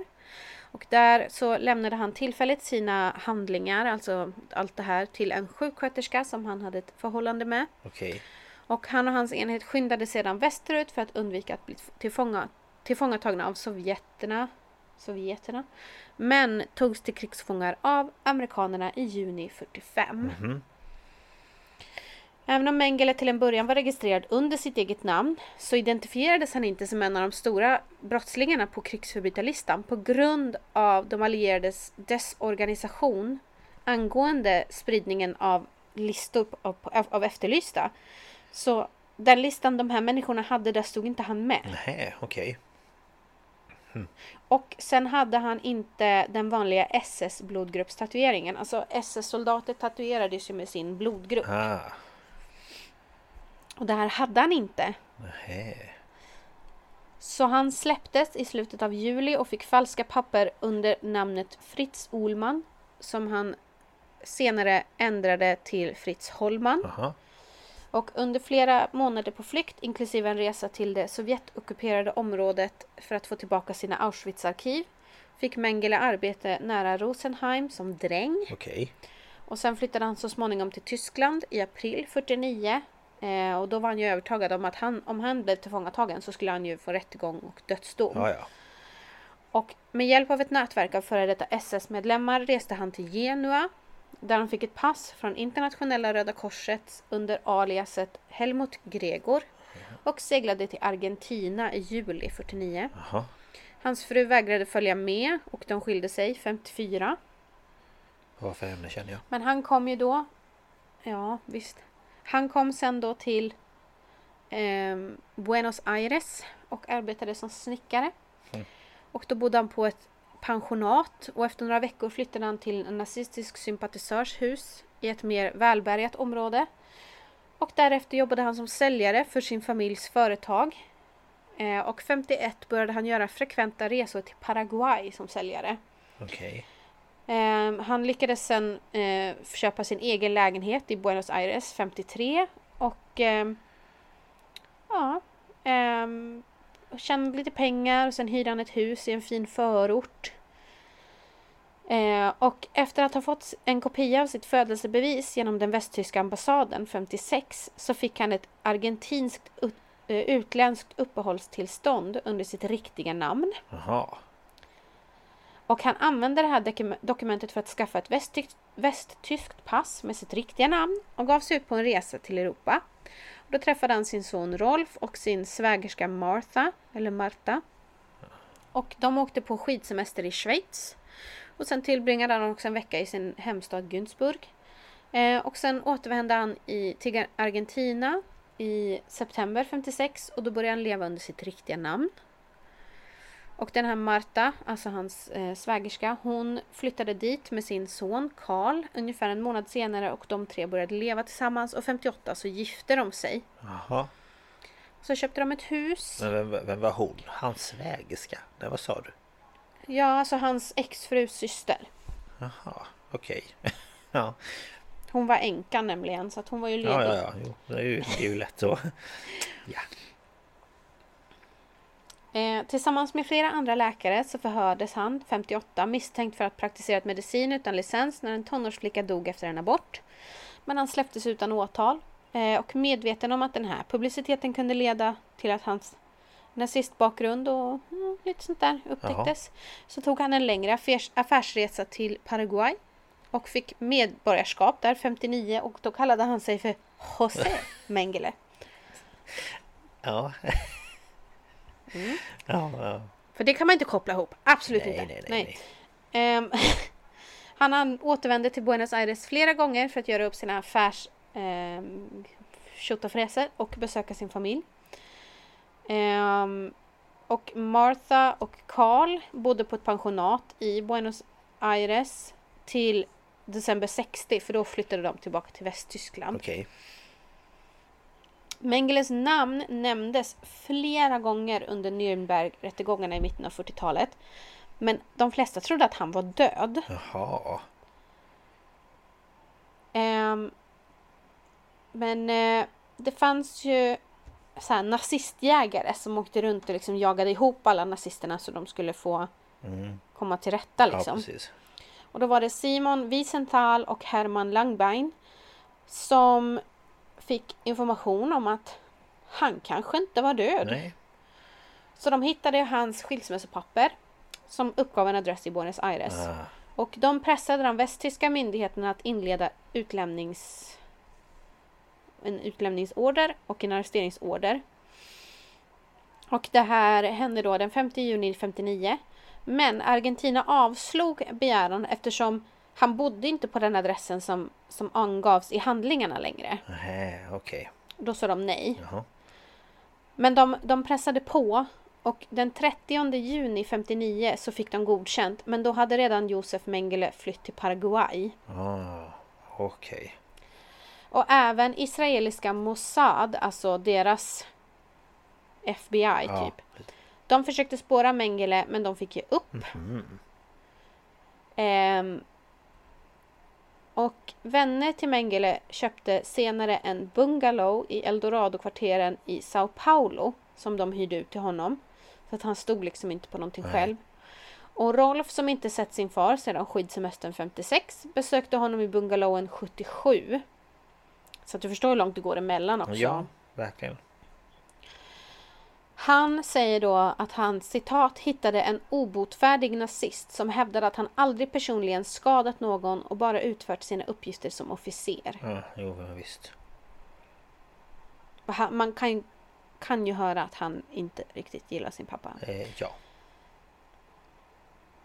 Eh, Mengeles hälsa hade stadigt försämrats sedan 72 och han drabbades av en stroke 76 och eh, fick högt blodtryck och öroninflammation och hej och hå. ja.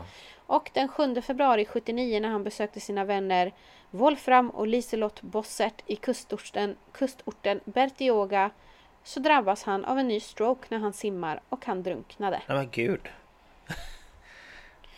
Och hans kropp begravdes i Embudas Artes under namnet Wolf, Wolfgang Gerhard som eh, han då hade använt eh, sedan 71. Jaha.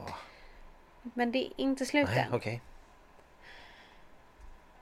För den 31 maj 1985 på grundval av underrättelser som mottagits av den västtyska åklagarmyndigheten slog polisen till mot Hans Sedelmeyers hus, en livslång vän till Mengele och försäljningschef för familjeföretaget.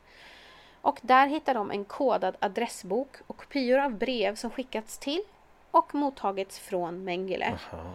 Och bland pappren fanns ett brev från Wolfram Bossert som underrättade Sedelmeier om Engeles död. Och tyska myndigheter larmade polisen i Sao Paulo som sedan kontaktade den här Wolfram då.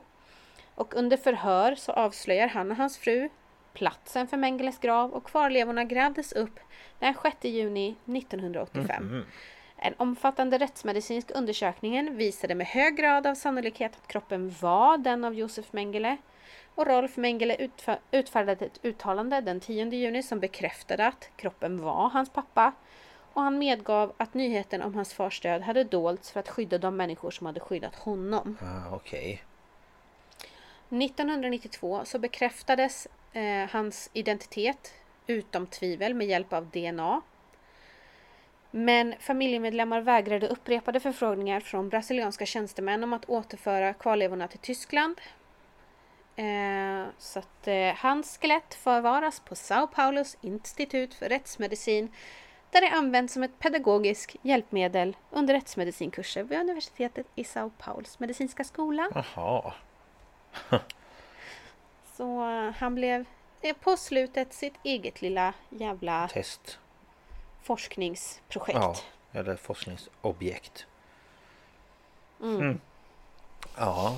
Så det var nazistidioten Josef Mengele. Ja, vad säger man? Eh, fruktansvärt spännande och eh, Mm. rent förjävligt. Men det är helt galet hur många nazister som flydde till Sydamerika. ja. Men trodde de inte först att Hitler också hade flyttat dit? Jo men det finns ju bilder på en gubbe som typ ser ut Ja, jag som vet. han. Jag har kollat på de bilderna och det är ju väldigt likt honom. Det är jättelikt honom. Alltså egentligen hade jag inte blivit förvånad. Nej.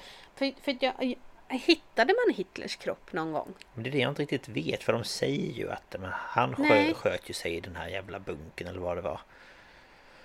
Ja, eller någon sköt honom i Ja, alla fall. eh, men vem vet? Alltså det skulle lika gärna vara att de säger det, de eh, smugglar ut honom i en bil, de kör honom till en flygplats, sätter honom på ett plan. Och sen vet man ju inte vad han tog Mm. Alltså, Nej, för att det var jättemånga nazister som, som flydde till, till bland annat Argentina. ja, nej jag vet inte men... Ja, nej, det, det är fruktansvärt i varje fall att man kan eh, göra så mot andra Mm. människor som de gjorde. Mm. Jag tänker på han där eh, Eh, och gud vad heter den? Du vet den där Netflix-dokumentären om han eh, Ivan... Eh, Eh, eh, Ivan... Eh, Mila, Mil, eh, nej. nej, nu tänker du på Backpack Killer. Ja, just ja. Ehm, jag ska kolla. The Devil Next Door heter den. Just ja. Han heter... Men vad heter han då? Kan jag få veta? Nej. Eh, Demjanjuk. Ja, just ja. Den dokumentären är ju också... John Demjanjuk. Ja, Som skulle då ha varit ehm, Ivan, the, Ivan den, the ja, Terrible. precis.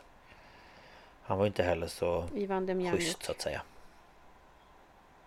Nej, alltså han var väl samma nivå Ja. liksom. Men han var väl på Sobibor tror jag, så han var inte på, på samma som Nej, Mengele. det var inte samma. Nej, det vet jag. Men eh, nej, det finns nog... Men han levde ju nästan hela sitt liv innan de kom på vem Ja, han var. Men han var väl i USA, var det inte det? Så att, Ja, Ja. precis. Ja, nej. Eh, Tack, tack för detta. Det var, det var ja, det bra. lite. Men eh, man blir ju... Jag tycker att det, det är ett hemskt ämne men vi måste hela tiden påminna om, oss om att det här har Ja, hänt. det är ju väldigt viktigt. Och liksom prata om det. Verkligen. Och att man lär sig av det. Alltså till det bättre. Mm. Ehm, och det... Ja. Ja. Men det var det för idag helt enkelt. Ja. Blev... Eh, Har ni några tankar eller så så kan ni mejla oss om ni vill. På staphalspodcast.gmail.com eller sök på Staphals podcast på Instagram. mhm.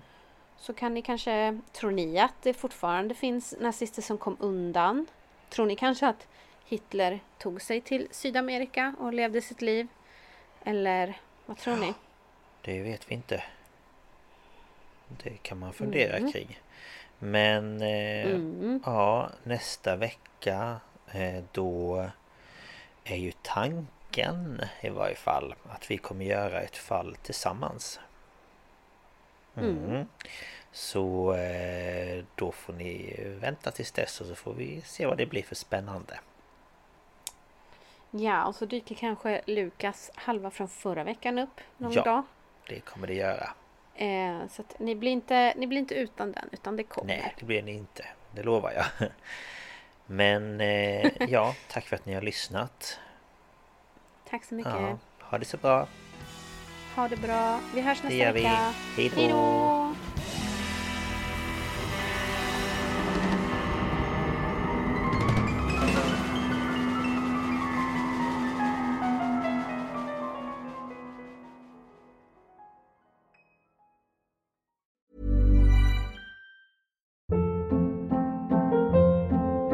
Hold up. What was that? Boring. No flavor. That was as bad as those leftovers you ate all week. Kiki Palmer here, and it's time to say hello to something fresh and guilt-free. Hello Fresh. Jazz up dinner with pecan-crusted chicken or garlic butter shrimp scampi. Now that's music to my mouth. Hello Fresh. Let's get this dinner party started. Discover all the delicious possibilities at hellofresh.com.